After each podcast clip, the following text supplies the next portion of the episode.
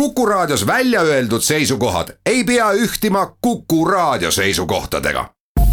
Te kuulate Kuku Raadiot. valimisstuudio. valimismees, vali valimismees, vali vali vali vali vali valimismees, ole valimismees, ole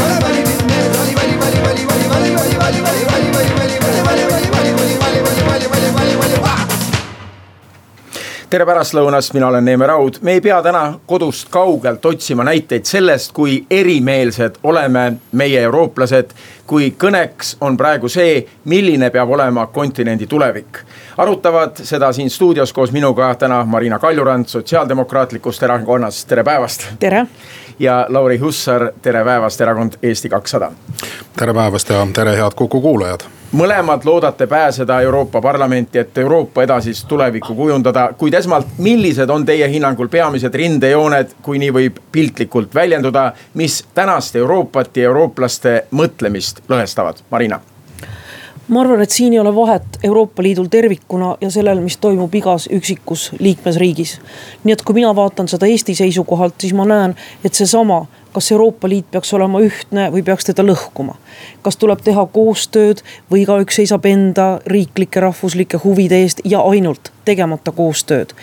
kas me läheme kaasa sellega, et me hakkame sildistama, vastandama, solvama või me ikkagi ehitame ühtset Euroopa Liitu. ehk minu jaoks on need kaks poolt täiesti seotud ja teineteise peegeldused. mis toimub Eestis, peegeldub Euroopasse, mis toimub Euroopas, peegeldub Eestisse nii et meie Eesti ei vastandu Euroopale, me olemegi Euroopa. me olemegi Euroopa Lauri.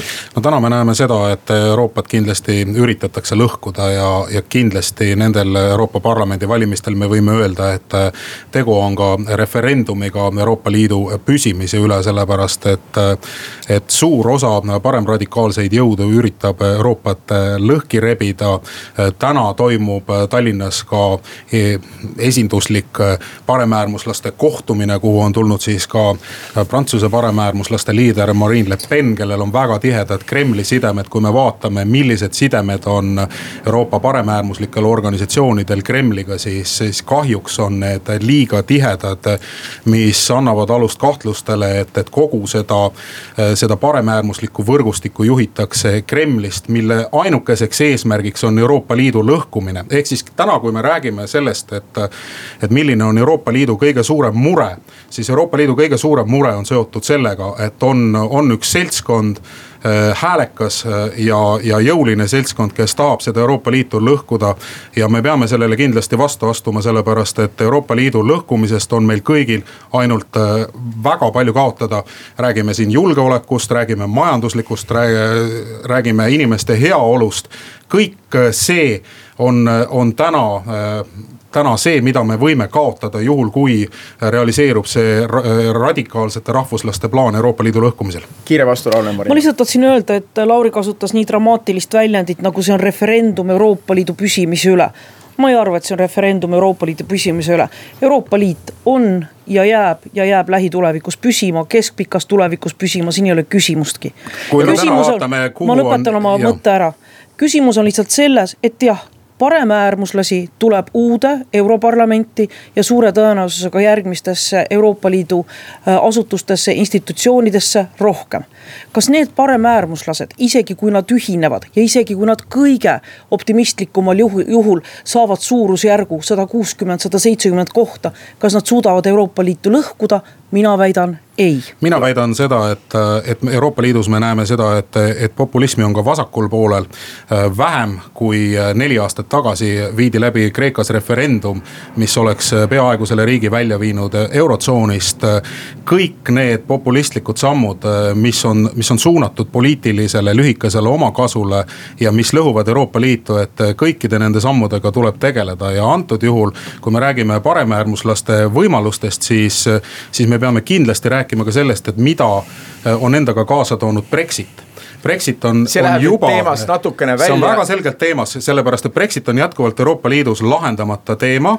Äh, Brexit on üks, üks suuremaid kriise, millega Euroopa Liit on viimase kümne aasta jooksul silmitsi olnud. ja selle peavad ja, lahendama ära britid ise. ja selle peab lahendama ära ka Euroopa Liit koos brittidega nii, aga räägime meie edasi sellest, mida tunnevad eurooplased nende valimiste eel, kui suuri küsitlusi vaadata. Ühelt poolt on näha sõnul seletamatut soovi midagi muuta, samas nostalgiat. küsitlused näitavad paljude arvamust, et maailm oli parem paik eile, kuid arvamused on erinevad, millal see eile siis täpselt oli. kas see oli siis, kui riigid olid etniliselt homogeensemad Euroopas või siis, kui alustati pärast teist maailmasõda õhinal progressiivsete poliitikate elluviimist, Euroopa ühendamist ja mis siis kulmineeruski Euroopa Liiduga. suur osa valijaist on skeptilised aga omaenda rahvusriikide ja ka Euroopa Liidu motiivide suhtes tulevikku silmas pidades ja usuvad, et eile oli parem kui täna, aga täna on ehk ikkagi parem kui homme, mis on tundmata tulevik. millisesse neist gruppidest asetaksite te ennast, Marina? No mina usun Euroopa Liitu ja mina näen Eesti tulevikku, õnnelikku tulevikku, iseseisva suveräänse riigi tulevikku ainult Euroopa Liidus. aga ma möönan, et Euroopa Liidus on järjest rohkem neid inimesi, kes ei saa täna öelda, et nende lapsed suure tõenäosusega elavad paremini kui nemad. aastaid või aastakümneid elati selle nimel, et lastel läheb paremini. täna on see kõikuma löönud ja on kõikuma löönud erinevatel põhjusteks, põhjustel. olgu selleks julgeolek olgu selleks küsimärgid äh, Euroopa Liidu majandussuutlikkuse osas. kas Euroopa Liit suudab reforme läbi viia, kas ta suudab olla innovatiivne. nii et on selliseid üksikuid detaile, mis on inimeste kindlustunde kõikuma pannud ja kolmandaks, mis on selle kindlustunde kõikuma pannud, on minu arvates ka see, et Euroopa Liit on täna inimestele kauge Eestis on väga kõrge Euroopa Liidu toetus, suurem kui Euroopa Liidu keskmine. ma olen kohtunud nüüd, ma julgen öelda, kümnete tuhandete inimestega ja kui me hakkame rääkima Euroopa Liidust, ega ikka ei teata, see on kuskil seal Brüssel, et inimeste side Euroopa Liiduga täna on ka oluliselt nõrgem Lauri. no kui me räägime Euroopa Liidust, siis, siis Euroopa Liit on loodud ennekõike rahuprojektina selleks, et, et rahvus, rahvusriigid ühist eesmärki sõnastades saaksid ühiselt tegutsedes jõukamaks ja, ja saaksid äh, piirkonnana edukamaks, et, et selles mõttes Euroopa Liit on kindlasti ühe oma algeesmärkidest täitnud. Äh, ma usun, et Euroopa Liidul tuleb, äh, tuleb leida üles uuesti oma enesekindlus, selleks tuleb pöörduda tagasi oma juurte juurde, kui me vaatame, et Euroopa Liidu eesmärk on olnud ühise turu loomine, Euroopa Liit on sellega väga hästi hakkama saanud, see on, see on suurendanud oluliselt piirkondlikku jõukust ja parandanud Euroopa Liidu konkurentsivõimet, et siis kindlasti siin tasuks jõuliselt jõuliselt edasi liikuda. me peame vaatama ka seda, et, et kas neid piirkondlikke protektsionistlikke meetmeid eh, liiga palju ei rakendata, et täna Euroopa Liidus liikmesriigid on asunud liigselt oma siseturgusid kaitsma, võib-olla tasuks need regulatsioonid üle vaadata ja, ja, ja teiselt poolt kindlasti on Euroopa Liidu suur pluss ka isikute vaba liikumine, et, et see on see on unikaalne äh, maailmas, Euroopa Liit on suurepäraselt äh, äh, seda rakendanud. ma usun, et, et siin kindlasti on veel, veel, veel võimalusi, et, et inimeste ja riikide kindlustunnet seoses isikute vaba, vaba liikumisega suurendada, aga, aga kindlasti nende Euroopa Liidu tuumik positsioonide ja tuumikväärtuste eest tuleks seista. Öelge, mille poolest või mis suhtes teie kaks siin stuudios vastandute, te mõlemad räägite Euroopa tuleviku kujundamisest, millised on need punased jooned, mis teie vahelt lähevad, mida ma siin stuudios ei näe, me oleme siin väga sõbralikult koos. no näiteks praegu ma ütlen kohe, et ma ei ole sellega nõus, mida ütleb äh, Lauri, et Millega? Euroopa Liit on olnud väga edukas ühise turu arendamisel minu arvates on ühine turg, ei ole Euroopa Liidus kunagi päriselt tööle hakanud käisin väliskaubandusministri, ministri kohusetäitjana kohtumistel, kus me rääkisime väliskaubandusest, rääkisime kaubanduslepingutest teiste riikidega ja see nii, see lõhe mis on mõnede nii-öelda lõuna pool asuvate protektsionistlike Euroopa Liidu liikmesriikide vahel. Läänemere ümber asuvate palju avatumate liikmesriikide vahel, see on alati olnud. ja need äh, barjäärid, on nad siis bürokraatia, on nad keelebarjäärid, on alati olnud. nii et selles on minu arvates ongi probleem, et Euroopa Liit ei ole ühisturgu korralikult tööle saanud kuigi me nimetame seda ühisturuks. kas ühisturg on, veel... on siis ainuke teema, mille puhul ei, teil on... arvamused erinevad? Ma ei, ma ei, ma ei. mida sa ütled, Marina, oma valijatele, me eh, sinatame, me tunneme nii kaua. Eh, oma valijatele, miks nad peaksid valima sind, aga mitte Laurit? ma ei hakka kindlasti ütlema seda, miks nad ei peaks valima Laurit, iga inimene teeb otsuse ise. mina saan öelda, miks nad peaksid valima mind. ma, eh, nad peaksid valima mind sellepärast, et mul on olnud võimalus esindada Eestit väljaspool Euroopa Liitu, aga ka Euroopa Liidus välisministrina, diplomaadina. ma tean seda organisatsiooni, ma usun Euroopa Liidu tulevikku, ma usun sellesse, et Eesti tulevik saab olla ainult koos Euroopa Liiduga. ja kui mind valitakse Euroopa Parlamenti, võin ma lubada, et ma vääri, esindan seal Eestit väärikalt, targalt ja seisan Eesti huvide eest kui nüüd hakata rääkima pisut sellest, et kuidas see ühine turg on toiminud, et siis üheks no, kõige suuremaks oli..., kõige suuremaks takistuseks on olnud siin Euroopa sotsialistide tegevus, kes on muuseas Euroopas kõige suuremad reguleerijad. et Marina Kaljurand äh, kandideerib siin Sotsiaaldemokraatliku Erakonna nimekirjas ja ja, ja nii palju, kui mina olen Euroopa Parlamendi äh, fraktsioonide liikmetega rääkinud, siis, äh, siis kõige rohkem regulatsioone on alati tulnud Euroopa sotsidelt. Nad tahavad igas asjas äh, väga suurte Euroopa sotsialistlike parteide seisukohti sisse viia ja seetõttu kõige suuremaks vaenlaseks selle ühist, ühise turu arendamisel olnud, on olnud selline sotsialistlik mõttelaad. ja seda tuleb nüüd murda. Et, et siin ma pean küll kahjuks ütlema, et, et midagi ei ole teha, et, et see, see mõttelaad ei ole ei ole kuidagi Euroopa arendamisele kaasa aidanud ja. ja siin ma olen Marina Kaljurannaga nõus, et tõepoolest, et, et, et suuresti just tänu ka Euroopa sotsialistide tegevusele on, on Euroopa ühise turu arendamine veel veel sealmaal, millega me ei saa rahul olla, aga ta on kindlasti väga suur samm edasi võrreldes sellega. kus, kus ta oli veel siin paarkümmend aastat tagasi, nii et siin on kindlasti väga suur samm edasi astutud. kas see on siis selge vahe sinu ja Marina vahel? no mina ütleks, et, et et ülereguleerimine on probleem ja, ja see on just. ma ei vaidlustanud seda, ma olin sellega nõus. ja see on Euroopa sotsialistide probleem ja Euroopa sotsialistid peavad midagi muutma. seal on ka väga kommunistlike vaadetega erakondi selles samas äh, fraktsioonis. et seega siis sellega tuleb tegeleda, et, et nende soov üle reguleerida nii suur, aga see on ka siseriiklik probleem, et, et meil on ka siseriiklikult Eestis.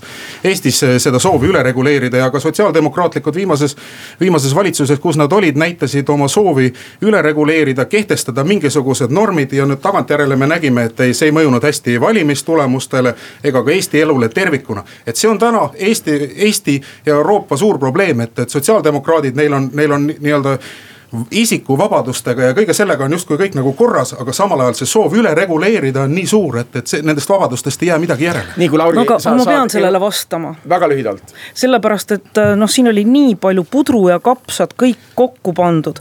kas Euroopa Parlamendis on kommuniste, muidugi on kas igal parlamendil on oma Žirinovski, ka Eesti parlamendis on imelike vaadetega inimesi. aga see ei tähenda, et mina Eestit esindava parlamendisaadikuna hakkan ajama Kreeka kommunistide rida. nii et seda juttu ajada on täiesti vastutustundetu. ei ole, te ja hakkate sellesse asi... fraktsiooni kuuluma, kus sellised vaated on esindatud. las ma lõpetan ja teine asi, kuidas sotsid kõike reguleerivad ja kõike normeerivad. no Lauri, halloo, kus, mis sa nende normidel mõtled, sotsid on need, kes on alati seisnud iga inimese õiguse eest, iga inimese võrdsete võimaluste eest. see on meie põhimõte ja me seisame selle eest nii Eestis kui ka Euroopa Liidus. ma toon ühe näite aitab sellest alkoholist. ühe alkoholiaktsiisi näite. mille võttis vastu valitsus. kaks tuhat viisteist, äh, ma mäletan väga täpselt seda, mis positsioonidel oli Jevgeni Ossinovski toona. nii, Lauri, me ei lähe Eesti sisepoliitikasse praegu. see on väga oluline, kuidas teda hoiatati selle eest, kuidas Paljuski. ta läks ikkagi seda tegema, tegi selle ikkagi jõuliselt ära. ja nüüd tuleb Marina Kaljurand ja räägib meile, et sotsid ei tee ja seisavad isikuvabaduste eest. nii, Lauri, siin me selle teema lõpetame. väga suure osa probleemist, mis, mis kahjuks mõjus ka valimistel teie valimistulemusel? me ei hakka siin püüdma vaatama, vaadata, kellel on valijam hääl, aga Lauri, kui teie, kui sina saaksid valikuks, kui Eesti kakssada saaks valituks, kuhu perekonda siis teie hakkaksite kuuluma? no Eesti kakssada on öelnud, et, et täna meil on, meil on valikuid kaks ja Eesti kakssada on kindlasti äh, liberaalsete vaadetega äh, erakond, aga äh, Eesti kahesajas on ka inimesi, kellel on, kellel on ka, ka, ka mõnes küsimuses konservatiivsemad hoiakud. kui me täna vaatame, et millised erakonnad on ühel või, või teisel pool esindatud, et siis näiteks Euroopa Rahvapartei fraktsioonis on Soome Kogumus, mis, mis ka iseenda kohta ütleb, et ta on, ta on liberaalkonservatiivne erakond. ja, ja Soome Kogumus on muuseas väga reformimeelne, väga edumeelne, väga väga avatud erakond, et täpselt samamoodi ka Läti ühtsus, äh, ka, ka Saksamaa CDU, et, et kindlasti nad on kõik sellised erakonnad, mis mis oma hoiakutelt võiksid kuuluda ka näiteks liberaalide fraktsiooni. nii et ei ole täpselt otsustanud. me ei ole täna veel otsustanud, kas, kas teha avaldus ALDE fraktsiooni või EPP fraktsiooni. nii et ei ole otsustanud, milline see teie maailmavaade siis tegelikult on? Need, need maailmavaated täna Euroopas on ka jagunevad, Marina Kaljurand ütleb, et tema ei ole sots, tema ei lähe reguleerima, tema läheb hoopiski liberaalset majandust arendama. seega see maailmavaade ongi siin, siin väga küsitav, et, et, et ma ei tea, millist, millist maailmavaadet siis Marina Kaljurand sinna Euroopa sotsialistide fraktsiooni esindama läheb. no Marina Kaljurand läheb selgelt ühte kindlasse perekonda ja ma lähen sinna esindama Eesti sotsiaaldemokraate. Lähen esindama Eesti rahvast ja lähen seisma Euroopa Liidus kõige selle eest, mille eest sotsiaaldemokraadid, rõhuga sõnal demokraadid, ei ole mõtet rääkida ainult sotsialistidest, esindavad Eestis ja Euroopa Liidus. sooviga, sooviga üle reguleerida Euroopa Liitu, Euroopa Liidu ühisturgu. Lauri aitab ükskord juba, mida te topite mulle oma sõnu suhu, mina seda ei öelnud, aitab Nii, sellest. selge, praegu on igatahes kaks valikut siis. Marina Kaljurand, kes läheb selgelt ühte sotsiaaldemokraatide perekonda või siis Eesti kakssada, kes ei ole veel oma peret valinud. kas nii võib selle teema kokku võtta? Eesti kakssada äh, langetab otsuse, äh, otsuse üsna pea ja ma, nagu ma ütlesin, Eesti kahesajal on kaks valikut, aga, aga loomulikult me seisame tugeva Euroopa eest ja, ja me tahame sinna Euroopasse viia ka Eesti väga tugevat kogemust, et. et täna on äärmiselt oluline, et Euroopa Liit ja Euroopa Liidu konkurentsivõime paraneks, sellepärast et, et me oleme lisaks USA-le ja Hiinale ka konkurentsis arenevate turgudega. ja Euroopa Liit peab siin muutuma oluliselt kiirse, kiiremaks, innovaatilisemaks, efektiivsemaks. ja kindlasti Eesti digikogemuse viimine Euroopasse, see, mida meie tunneme personaalse riigi all, on oluline, et, et see ühel hetkel leiaks Euroopa Liidus, Euroopa Liidu liikmesriikides rakendamist, sellepärast et, et. et need vahendid, mida eh, iga liikmesriik hoiab kokku nii ajaliselt kui rahaliselt. on niivõrd olulised selle, selle muu tegevuse arendamiseks, et, et me ei saa täna enam sellest mööda vaadata, et. et see arenev maailm läheb meist vastasel juhul liiga kiiresti mööda, Euroopa peab muutuma oluliselt konkurentsivõimelisemaks. nii ja järgmine teema siia sellesse saate pool tundi veel, öelge, kas Euroopa Liit on teie arvates Euroopa jaoks nüüd alaline reaalsus või käimasolev eksperiment või nagu kostab hääli eksperiment, mis on valesti läinud ja tuleb nüüd siis uute saadikute abiga õigele teele juhtida, Marina mina usun sellesse, et Euroopa Liit on, vot, mis on alaline, aga nendest variantidest, mis sa pakkusid, võtaksin meil mina selle võimalikult püsiva ühenduse. sest kui siin. me ei räägi enam eksperimenteerimisest. ja kui siin oli juttu ka sellest, et kas Brexit, mida Brexit on toonud. Brexit on toonud Euroopa Liidule arusaamise, et me tahame olla koos kui aastaid oli spekulatsioone selle üle, et kui läheb ära Suurbritannia, kes on järgmine. mitte ühtegi riiki ei ole järjekorras, vastupidi Euroopa Liidu ukse taga ollakse järjekorras. nii et mina julgen öelda, et tänu Brexitile, tänu e, migratsioonikriisile, tänu julgeolekuolukorra muutumisele on Euroopa Liit täna ühtsem. kuigi seal on sees poliitilised va erinevad vaated kaks minutit. mina Laurile. ütlen, et Euroopa Liit on tulnud selleks, et jääda ja kui me vaatame, kuidas Euroopa Liit on arenenud, siis Euroopa Liit on alati arenenud läbi kriiside. kriiside ajal on olnud Euroopa Liidul väga valus Euroopa Liit on, on, on näinud väga palju vaeva, et neid kriise seljatada, aga iga kord, kui, kui kriis on seljatatud, on suudetud jälle jõulisemalt äh, Äh, edasi minna, et ma toon siin kasvõi näite sellest, kui äh, lükati tagasi mitmel rahvahääletusel Euroopa Liidu äh, põhiseaduslik leping, ka siis tekkis küsimus, et kuidas Euroopa edasi läheb, ometigi Euroopa Liit tuli kokku. leppis nendes küsimustes kokku ja läks edasi, samamoodi on juhtunud võlakriisiga, täpselt samamoodi on, on juhtunud rändekriisiga. ja täpselt samamoodi juhtub ka Brexitiga, et Euroopa Liit ühel hetkel lepib kokku, lepib ka Suurbritanniaga kokku ja minnakse edasi. aga täna ei ole veel Brexit üldse realiseerunud, tõsi on üsna tõenäoline, et, et see ikkagi toimub. aga, aga see sõltub ka suuresti sellest, et kuidas siis Euroopa Liit ja, ja Suurbritannia ühel hetkel oma edasises koostöös kokku lepivad, see on väga oluline. nii, me jätkame oma arutelu mõne hetke pärast siis on meie teemaks see, kas Euroopa on mõttetu raha kulutamine või meile siin Eestis ka mõneti tasuta lõuna ja kas tasuta lõunaid ikka on stuudios on Marina Kaljurand ja Lauri Hussar. nüüd väikene paus meie diskussioonis ja siis läheme edasi. valimisstuudio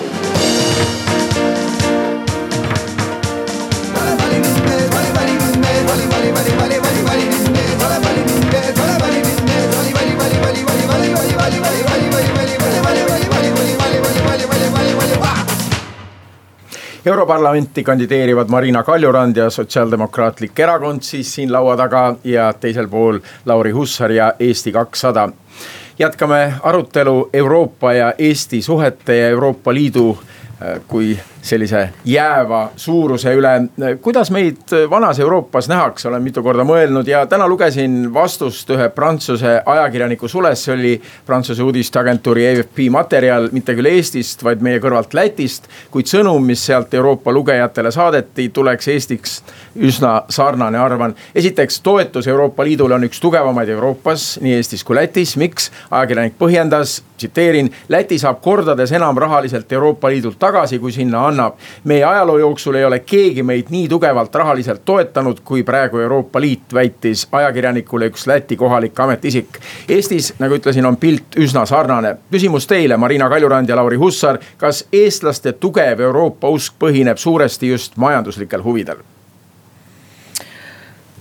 ma arvan, et mitte ainult Äh, kindlasti on oluline see, et Euroopa Liidu toetusel, erinevate fondide toetusel on äh, parandatud meie inimeste elujärge. on arendatud haridust, on ehitatud teid, on investeeritud, on kõike tehtud, kindlasti see on oluline komponent. aga ma siiski arvan, et meie inimestele on olulisem see, et Euroopa Liitu kuuludes saime me tagasi oma hääle, saime me tagasi oma näo ja saime me tagasi oma koha Euroopast, kus me ära olime. ja saime tagasi, tagasi ka selle kindluse, et me ei ole enam mitte kunagi üksi üksi. Nii et ma tahaksin väga loota, et rahaline kasu võib olla osa sellest võrdlusest, aga mitte kõige tähtsam. Ja mis puudutab meie mainet, siis erinevalt Lätist ütleksin mina, et meie maine on nüüd viimase kahe-kolme nädalaga, ma julgenud väga, julgen öelda, väga oluliselt halvenenud et noh, ütleme need käemärgikesed, mis võivad meile siin tunduda poisikeselikud nipid või ma ei tea, miks härrad seda teevad. siis väljaspoolt vaadates äh, on nad hoopis teistsugused. iga selline žest, iga rumalasti välja öeldud ministri poolt või parlamendiliikme poolt välja öeldu, see kõik mõjutab meie mainet. nii et see on praegu kindlasti see, mille poolest me Lätist erineme. Lauri, kas eestlase tugev Euroopa usk põhineb suuresti majanduslikel huvidel? Ma rääkisin eelnevalt sellest, et äh, Euroopa Liit äh, on, on loodud rahuprojektina ja ma arvan, et, äh, et ennekõike on Euroopa Liit andnud meile, meile rahvana enesekindlust ja, ja, ja ka julgeolekut ja, ja seda nii, nii majanduslikult kui, kui ka füüsiliselt. kuigi Euroopa Liit ei ole sõjaline organisatsioon, aga Euroopa Liit annab meile kaude väga palju kindlust juurde, mida, mida meil on tarvis. mis puudutab nüüd, nüüd seda, mida, mida Euroopa Liit meile veel on andnud, siis, siis ma julgen arvata, et tänu Euroopa Liidule on Eesti maine maailmas täna selline, nagu ta on.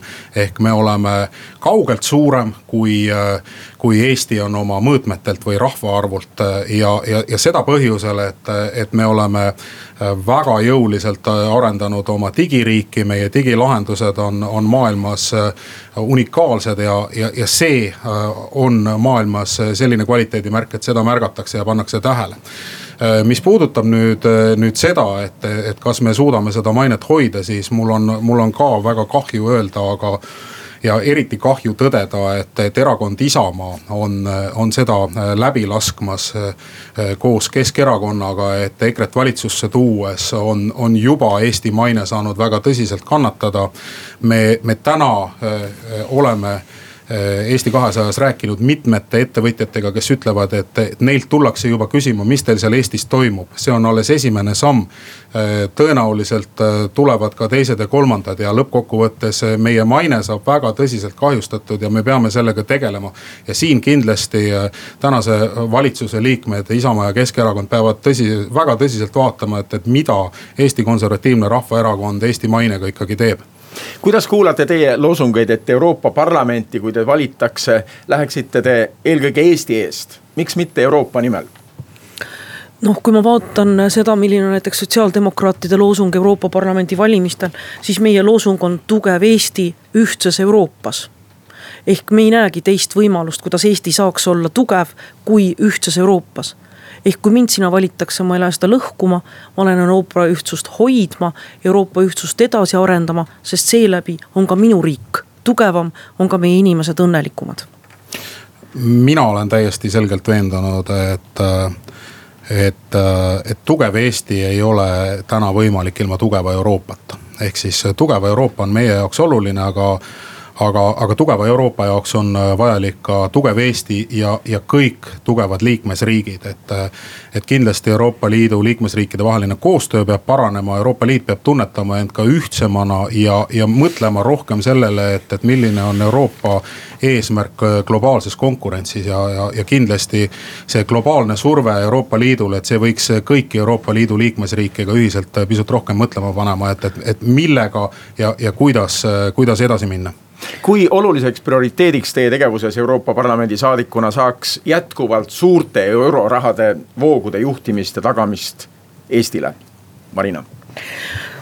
Muidugi mul on oma lemmikteemad millega ma olen tegelenud ja milles ma olen hea ja millega ma tahan edasi tegeleda, on see välispoliitika, ma ei tea, on see naised poliitikas, on see rahvusvaheline julgeolek, küberjulgeolek ja nii edasi. aga ma saan väga hästi aru, et esindades Eestit Euroopa Parlamendis peame tegelema kõigi nende teemadega mis on olulised Eestile. nii et jah, täna ma ei ole põllumajandusekspert. aga ma kavatsen jätkata seda, mida on teinud Ivari Padar ühtses põllumajanduspoliitikas. toetused, kas Eestil on neid toetusi vaja? jah, neid on Eestile vaja, niikaua kuni me ei ole jõudnud sellele tasemele, et me enam toetamist ei vaja, tuleb ka selle eest seista. nii et jah, ma arvan, et kõik need küsimused ja teemad, mis on Eestile olulised, saavad olema ka mulle olulised ja nende eest ma seisan kui me räägime järgmisest eelarveperioodist, siis kindlasti on äärmiselt äh, oluline, et äh, et me vaataksime oluliselt äh, rohkem seda, milleks ja, ja kuidas me raha kulutame ja, ja ka see e-, järgmise eelarveperioodi äh, rahastamise, äh, rahastamise viis ise seab meile oluliselt suuremad nõudmised, sellepärast et et me, me peame arvestama sellega et, et, et nelikümmend protsenti omafinantseeringust ühtekuuluvusfondi puhul peab tulema juba omavahenditest. see nõuab oluliselt äh, tõsisemalt nende investeeringute kaalumist, äh, arvutuste tegemist, ka tasuvusarvutuste tegemist, et kõik see on väga oluline ja see peab kindlasti kaasas käima, mis puudutab seda, et, et kuidas Euroopa Liit peaks peaks regionaalselt äh, toetama vähem arenenud piirkondi, siis siin kindlasti see on Euroopa Liidu jaoks oluline prioriteet, see on ka Euroopa Liidu majanduse jaoks laiemas perspektiivis oluline, sellepärast et. et vaesemate liikmesriikide toetamine äh, muudab seda turgu suuremaks, ühel hetkel on ka, on ka suuremate ja vanemate liikmesriikide tootjad võidus, ehk siis ühtselt ja tugevalt arenedes on Euroopa, Euroopa tugevam ja ja, ja ühtlasem ja, ja seetõttu ka, ka paremini valmis äh, globaalseks konkurentsiks. kuid siiski ei saa me Euroopa Liitu vaadata kui Rootsi lauda, kust me saame ainult võtta. Äh, samas äh, tuleb ju mõista ka seda, et kui Euroopa Liit midagi soovib meilt nõuda, meid millekski kohustada, siis me peame ka sellega nõustuma või mitte? absoluutselt, et Euroopa ei ole vahet, kas me vaatame Euroopa Liitu kui perekonda või me vaatame Euroopa Liitu kui kogukonda. aga Euroopa Liidul, kui kellelgi on mure, siis on see kõigi mure. ei saa kedagi murega üksi jätta ja nii oli näiteks ka äh, migratsioonikriisi ajal, kus ütleme suurema löögi said enda peale mitte Eesti, mitte Balti riigid, isegi mitte Ida-Euroopa riigid, noh välja arvatud Ungari. siis ka see oli teema, kus me pidime appi tulema, kus me pidime solidaarselt vastutust jagama mis ei tähenda, et keegi dikteeriks meile meie seadusi ja korda, selleni me peame jõudma ise ma olen kategooriliselt selle vastu, et liikmesriikidele sunnitakse peale, dikteeritakse, neid sunnitakse midagi tegema. tark diplomaatia ja tark juht on selline, kes räägib nii kaua, kuni hakatakse midagi tegema vabatahtlikult. aga jah, ma usun solidaarsusesse, ma usun, et üksteist tuleb aidata, üksteist tuleb toetada, teistmoodi lihtsalt Euroopa Liit ei saa funktsioneerida. kui sa oled ainult küüned enda poole ja võtad sealt ainult neid osakesi, mis sulle meeldivad. milliseid kohustusi, Lauri, võib Euroopa Liit meile panna? Me oleme väga paljudes poliitikates Euroopa Liiduga kokku leppinud eh, ja, ja leppinud ka selles eh, kokku, et, et kuidas me edasi liigume, et ma usun, et. et täna oleks mõistlik eh, neid regulatsioone mitte juurde tekitada, vaid, vaid jälgida hoolikalt, et. et Euroopa Liidu liikmesriigid ka kõikidest nendest reeglitest kinni peaksid. sealhulgas on oluline kindlasti ka, ka eurotsooni reeglitest kinnipidamine eurotsooni riikide jaoks, et, et selleks, et et vältida tulevikus Kreeka sarnaseid kriise, et me teame, et siin Itaalia on täna punase laterna osas. kindlasti tasuks, tasuks Euroopa Liidul teha jõupingutusi selleks, et Euroopa või et Itaalia liiguks eurotsooni reeglite täitmise suunas, et, et see on kindlasti väga oluline. nii et kui me, aga, aga kui me räägime nüüd sellest, et kas Eesti on andnud ära oma suveräänsusest midagi või kas Eesti iseseisvus on nüüd seoses Euroopa Liidu õigustega kehtestada mingisuguseid ühiseid poliitikaid ohus, et seda kindlasti mitte, et täna on ikkagi Eesti jätkuvalt äh, iseseisev rahvusriik, mis kuulub äh, riikide liitu Euroopa Liit. tõsi, me oleme mitmete poliitikate puhul seda jagamas, aga me saame alati nende küsimuste üle ka ise otsustada. konkreetne küsimus või, või, võib-olla ütleksin juurde, kus ma ei ole Lauriga jälle nõus. Lauri lause oli regulatsioone mitte juurde teha, vaid hakata täitma nii, asi ei ole minu arvates nii mustvalge kindlasti on Euroopa Liidus mingisugust bürokraatiat, mida saaks vähendada. aga seda, et me nüüd üldse ühiseid regulatsioone enam vastu ei võta, minu arvates ei ole see lähenemine õige. toon sellise näite praegu on näiteks maksupoliitika kiivalt liikmesriikide käes. liikmesriigid võtavad vastu oma maksuotsuseid. samas arutletakse selle üle, et Euroopa Liidu suurkorporatsioonide vastu ja neid maksustada saab ainult ühistöös nii et paratamatult ma arvan, et Euroopa Liit liigub selles suunas, et mingeid küsimusi me hakkame ka täiendavalt veel koos otsustama. Mingites küsimustes vähendame bürokraatiat ja mingid küsimused on ja jäävad riikidele. ma, ma siin kindlasti ei saa olla nõus Marina Kaljurannaga öeldes, et, et, et siin nüüd regulatsioonidega justkui ei oleks või oleks kõik hästi, et, et kui me vaatame ka seda. ma ei mida, öelnud seda, et on kõik Euroopa hästi. Parlamendi sotsiaaldemokraadid on, on sisse viinud mobiilsuspaketti kohustusega ka Eesti autojuhtidele, et nad peavad Euroopas ööbima hotellis ja nad ei tohi ööbida veoautos, et, et konkreetselt see on üks näide, mis on selge üleregulatsioon. arvestades, et, et see veoautojuht ei saa parkida ennast äh, hotelli juurde, vaid ta peab parkima eemale. tal jääb auto valveta. Äh, kõik sellised regulatsioonid halvendavad äh, kaugematest liikmesriikidest pärit veoautovedajate positsioone. ja see on nüüd jälle tänu sotsiaaldemokraatidele, kes on sellise, sellise regulatsiooni sisse viinud, nii et, et kindlasti sellega tuleb tegeleda ja, ja ülereguleerimine, nagu ma ütlesin, ei ole hea. ma ei saa olla vait, sellepärast et ei ole mõtet mulle suhu panna seda, mida ma ütlesin. ma ütlesin et ma ei ole nõus Lauri väljaütlemisega, regulatsioone ei ole vaja juurde teha, vaid tuleb täita. minu väide oli et mõnedes valdkondades tuleb regulatsioone juurde teha, mõnedes vähendada. nii et palun, jääge korrektseks, minu, ma lõpetan oma lause ära, jääge palun korrektseks mind tsiteerides, nii nagu mina olen sõna-sõnalt kirja pannud, enne kui ma teid tsiteerin. mina tahaks öelda, et ma olen sellega nõus, et regulatsioone tuleb vähendada ja kui on mingid probleemid, siis, siis regulatsioone võib ka juurde tekitada. aga, aga täna see soov, et me hakkame jätkuvalt mingisuguseid teemasid üle reguleerima ja kahjuks see soov ei ole kuhugi kadunud vot sellega tuleb küll nüüd Euroopas väga tõsiselt tegeleda Euroopa Liidu valimistel, Euroopa Parlamendi valimistel siis hääletamine on kohustuslik viies liikmesriigis Belgias, Bulgaarias, Luksemburgis, Küprosel ja Kreekas. enamus Euroopa kodanikke hääletab siiski nagu ise tunneb, kas see on vajalik või mitte, kuid arvamusuuringud näitavad, et mitmes väiksemas riigis mõeldakse ka niimoodi, et meilt läheb parlamenti niikuinii vähe saadikuid, meie hääl ei loe. Need valimised annavad mõnele poliitikule lihtsalt väga hea ja tasuva töökoha järgmiseks viieks aastaks, kui sageli teie Äh, Lauri Hussar ja Marina Kaljurand praeguses kampaanias mõtlete, olge nii ausad, kui saate, et kui võidan, saan omale ennekõike viieks aastaks hea tasuva töökoha no minul on praegu hea ja tasuv töökoht, ma olen juhtinud rahvusvahelist küberkomisjoni, ma annan täna nõu ÜRO peasekretärile, ma ei otsi tööd see oli minu sihilik see oli minu väga teadlik valik, sest ma arvan, et tänase päeva seisuga ma olen hästi ette valmistatud ja ma olen hea esindama Eestit Euroopa Liidus. kas üks saadik saab midagi ära teha?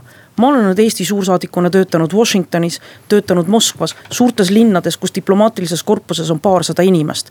ja mina väidan, et jah, on võimalik ära teha tuleb otsida liitlasi, tuleb otsida teemasid, peab olema väga hea diplomaat ja siis saab palju asju ära teha. Tuleks ühe eilse uudise juurde, mis rääkis sellest, et Eesti veebireklaami turg on kasvanud eelmisel aastal ainult null koma viis protsenti, samal ajal kui, kui sotsiaalmeedia eh, reklaamiturg on kasvanud kolmkümmend kaheksa protsenti. Ja see on nüüd eh, reaalselt eh, turunduses ringlev raha, mis ei ole jõudnud Eesti ajakirjandusliku sisu tootjateni, vaid, vaid liigub läbi Iirimaa suurtele Ameerika sotsiaalmeedia hiidudele ja ja, ja kahjuks on, on see, on see väga kiire ja arenev, arenev reklaamiharu, mis. kuidas on see viib, seotud sinu võimaliku töökohaga Euroopa Parlamendis? ja, ja viib, viib Euroopa ajakirjandusest märkimisväärselt raha välja. Euroopa ajakirjandus on täna juba suurtes raskustes ja ja, ja, ja mina ütlen, et, et tänu toimetulekule on vaba sõna mitmelgi moel juba, juba ohtu sattunud ja sellega tuleb tegeleda ja Euroopa Liit peab kiiremini kaaluma, kuidas kehtestada digimaksu suurtele sotsiaalmeedia hiidudele, sest täna viiakse see raha ka ainult, ainult Iirimaa käibemaksuga. maksuga Euroopa Liidust välja, mis on, mis on tõsine probleem ja Euroopa ja Eestist viiakse see nii või teisiti välja. et see on kindlasti üks põhjus, miks ma, miks ma tahan ka, tahan, tahan ka Euroopa Parlamenti kandideerida, et minu jaoks üks demokraatia nurgakive vaba sõna näol on väga tähtis. Äh, miks ma ole, miks ma kandideerin veel Euroopa Parlamenti, et, et minu jaoks on, on oluline tugev Euroopa ja tugev Eesti ja, ja seda, seda teadmist ja kogemust, mis aitaks tugevamaks muuta Euroopat. aga, aga annaks juurde ka Eestile, et seda ma tahan sinna viia. ja, ja, ja, ja, ja mis puudutab nüüd minu, minu tegevusi ja töökohta, siis ma olen asutanud meediakonsultatsiooni ja koolitusfirma. Äh, mul on juba väga mitmeid kliente ja, ja väga mitmeid plaane ja, ja, ja ma kavatsen sellega kindlasti ka edasi minna, aga juhul, kui ma osutun valituks Euroopa Parlamenti, siis, siis loomulikult äh, edasised koolitusprojektid jäävad ootele, aga, aga meedia kohta laiemalt on mul väga palju rääkida. homme toimub Brüsselis Euroopa Parlamendi täiskogu saalis Euroopa Komisjoni presidendikandidaatide debatt ja üks selle peateemadest on, nagu välja kuulutati, et Euroopa ei ole vaid majanduslik ja geograafiline ühendus, vaid ka maailmas eristuv oma väärtuste poolest. millised on Euroopa väärtused, mida igaüks meist, kes praegu seda saadet siin ka kuulame, peaksime enda ja oma elu jaoks mitte ainult lahti mõtlema, vaid ka lahti seletama. Marina Kaljurand, Euroopa väärtused. kui ma ütleksin ühe sõnaga, siis see on demokraatia. kui ma pean lisama veel ühe sõna, see on vabadused ja need ongi need kaks põhilist väärtust, millele minu arvates on loodud Euroopa Liit ja rajatud Euroopa Liit. kõik edasine, õigusriik, vabadus liikuda, vabadus ettevõtlusega tegeleda, tulevad nendest sellest kahest kõige peamisest, kõige põhilisest. ja väikse lisandina ka solidaarsus, mis on ja peab olema Euroopa Liidu nurgakivi mina ütleks Euroopa Liidu puhul esimesena sõna vabadus ja, ja, ja see annab, annab kammertooni ka kõikidele järgnevatele, et Euroopa Liit on saavutanud väga palju tänu just, just sellele vabadusele ja, ja, ja seega Euroopa Liidu Äh, tuleviku seisukohalt äh, on hästi oluline, et me suudaksime seda Euroopa Liidu keskset äh, väärtust kaitsta, aga loomulikult Euroopa Liit on, on väga, väga mitmetest või, või ütleme siis täna kahekümne kaheksast liikmesriigist koosnev organisatsioon, kus on, kus on väga, koos väga palju erinevaid kultuure ja, ja kindlasti Euroopa Liidu üks väga oluline märksõna on ka mitmekesisus ja, ja ka seda Euroopa Liidu mitmekesisust me peame kindlasti kaitsma ja lõpetuseks USA-s elav ja töötav Euroopa mõtleja George Steiner avaldas kahe tuhande neljandal aastal essee Euroopa ideest nüüdisajal tsiteeritakse seda palju ja ta toob ära mitmeid eurooplasest, eurooplaseks olemist, euroopalikkuse äh, ilminguid. esimene neist on muide, et suures osas on Euroopat kujundatud ja kujundatud väga ilmekalt kohvikutest, ka bolševistlik revolutsioon algas suuresti näiteks kohvikutest, kirjutas ta. aga ka see on Steineri meelest oluline, et Euroopa on maailma osa, kus on Goethe aed peaaegu kõrvuti Buchenwaldiga, nii et tume minevik ja kõrgintellektuaalsus kõrvuti. milline on see pilt Euroopast, mis võiks olla Euroopa Parlamendi valimiste ees Eesti inimestel silme ees? Marina Kaljurand ma ei oska nimetada ühtegi geograafilist kohta, minu jaoks on silme ees noored, noored ja nende tulevik. mina olen viiskümmend seitse aastat vana aga täna ma mõtlen selle peale, milline saab olema see Euroopa, mille ma annan edasi oma lapselastele, kes on praegu üheaastased. nii et minu silme ees, kui ma räägin Euroopast, on meie noored, kes on üksiti ka Euroopa noored. Lauri Hussar minu hinnangul ähm, Euroopa Liit, nagu ma ütlesin, peab leidma oma enesekindluse ja Euroopa Liit äh, peab äh, peab, peab suutma end, end ka regioonina oluliselt paremini kehtestada ja Euroopa Liit peab tulema toime ka paremäärmuslusega, et, et kui me täna vaatame eh, ka seda ja neid protsesse, mis on käivitunud Eestis, et siis, siis kindlasti Euroopa Liit eh, ka kõikides teistes liikmesriikides peaks peaks sellele jõuliselt vastu astuma. mistõttu ma, ma muuseas tooksin siis ühe ühe sellise pildi, mis on, mis on seotud. väga lühidalt. Ähm, mis on seotud meie, meie on see pilt su silme ees? pilt, pilt on kindlasti silme ees, jah, ma ju kirjeldangi seda praegu, aga, aga kui sa, kui ma seda nüüd nii-öelda nagu fotona, fotona edasi annaks, et siis. siis ma julgeks arvata, et, et see peaks olema, olema mis? meie lastega seotud jah, nõus, et äh, ma mõtlen kindlasti oma lastele, ma mõtlen nende tulevikule, et siin ma olen Marinaga kindlasti nõus. ja lõpetuseks veel kiire küsimus, kiire vastus, tõesti kahe-kolmesõnaline. mis on tänases Euroopas teie arvates valesti, Marina Kaljurand? Euroopa on jäänud inimestele kaugeks, segaseks, arusaamatuks. ja Lauri Hussar mina ütleks, et mis Euroopa Liidus on hästi ja, ja ma arvan, et. aga me küsime just, mis on valesti no ma juba eelnevalt kirjeldasin, et, et Euroopa Liitu tahetakse lõhti, lõhki rebida, aga, aga olgem ausad, Euroopa Liit on liiga institutsionaalne, ta peaks tulema inimesele lähemale. Selge, väga palju arvamusi kattus, oli ka eriarvamusi, Marina Kaljurand, Lauri Hussar, aitäh, et tulite stuudiosse, Kuku raadios jätkuvad valimiseelsed väitlused nii homme samal ajal kui ka siis neljapäeval samal ajal, mina olen Neeme Raud, ilusat päeva teile. aitäh. valimisstuudio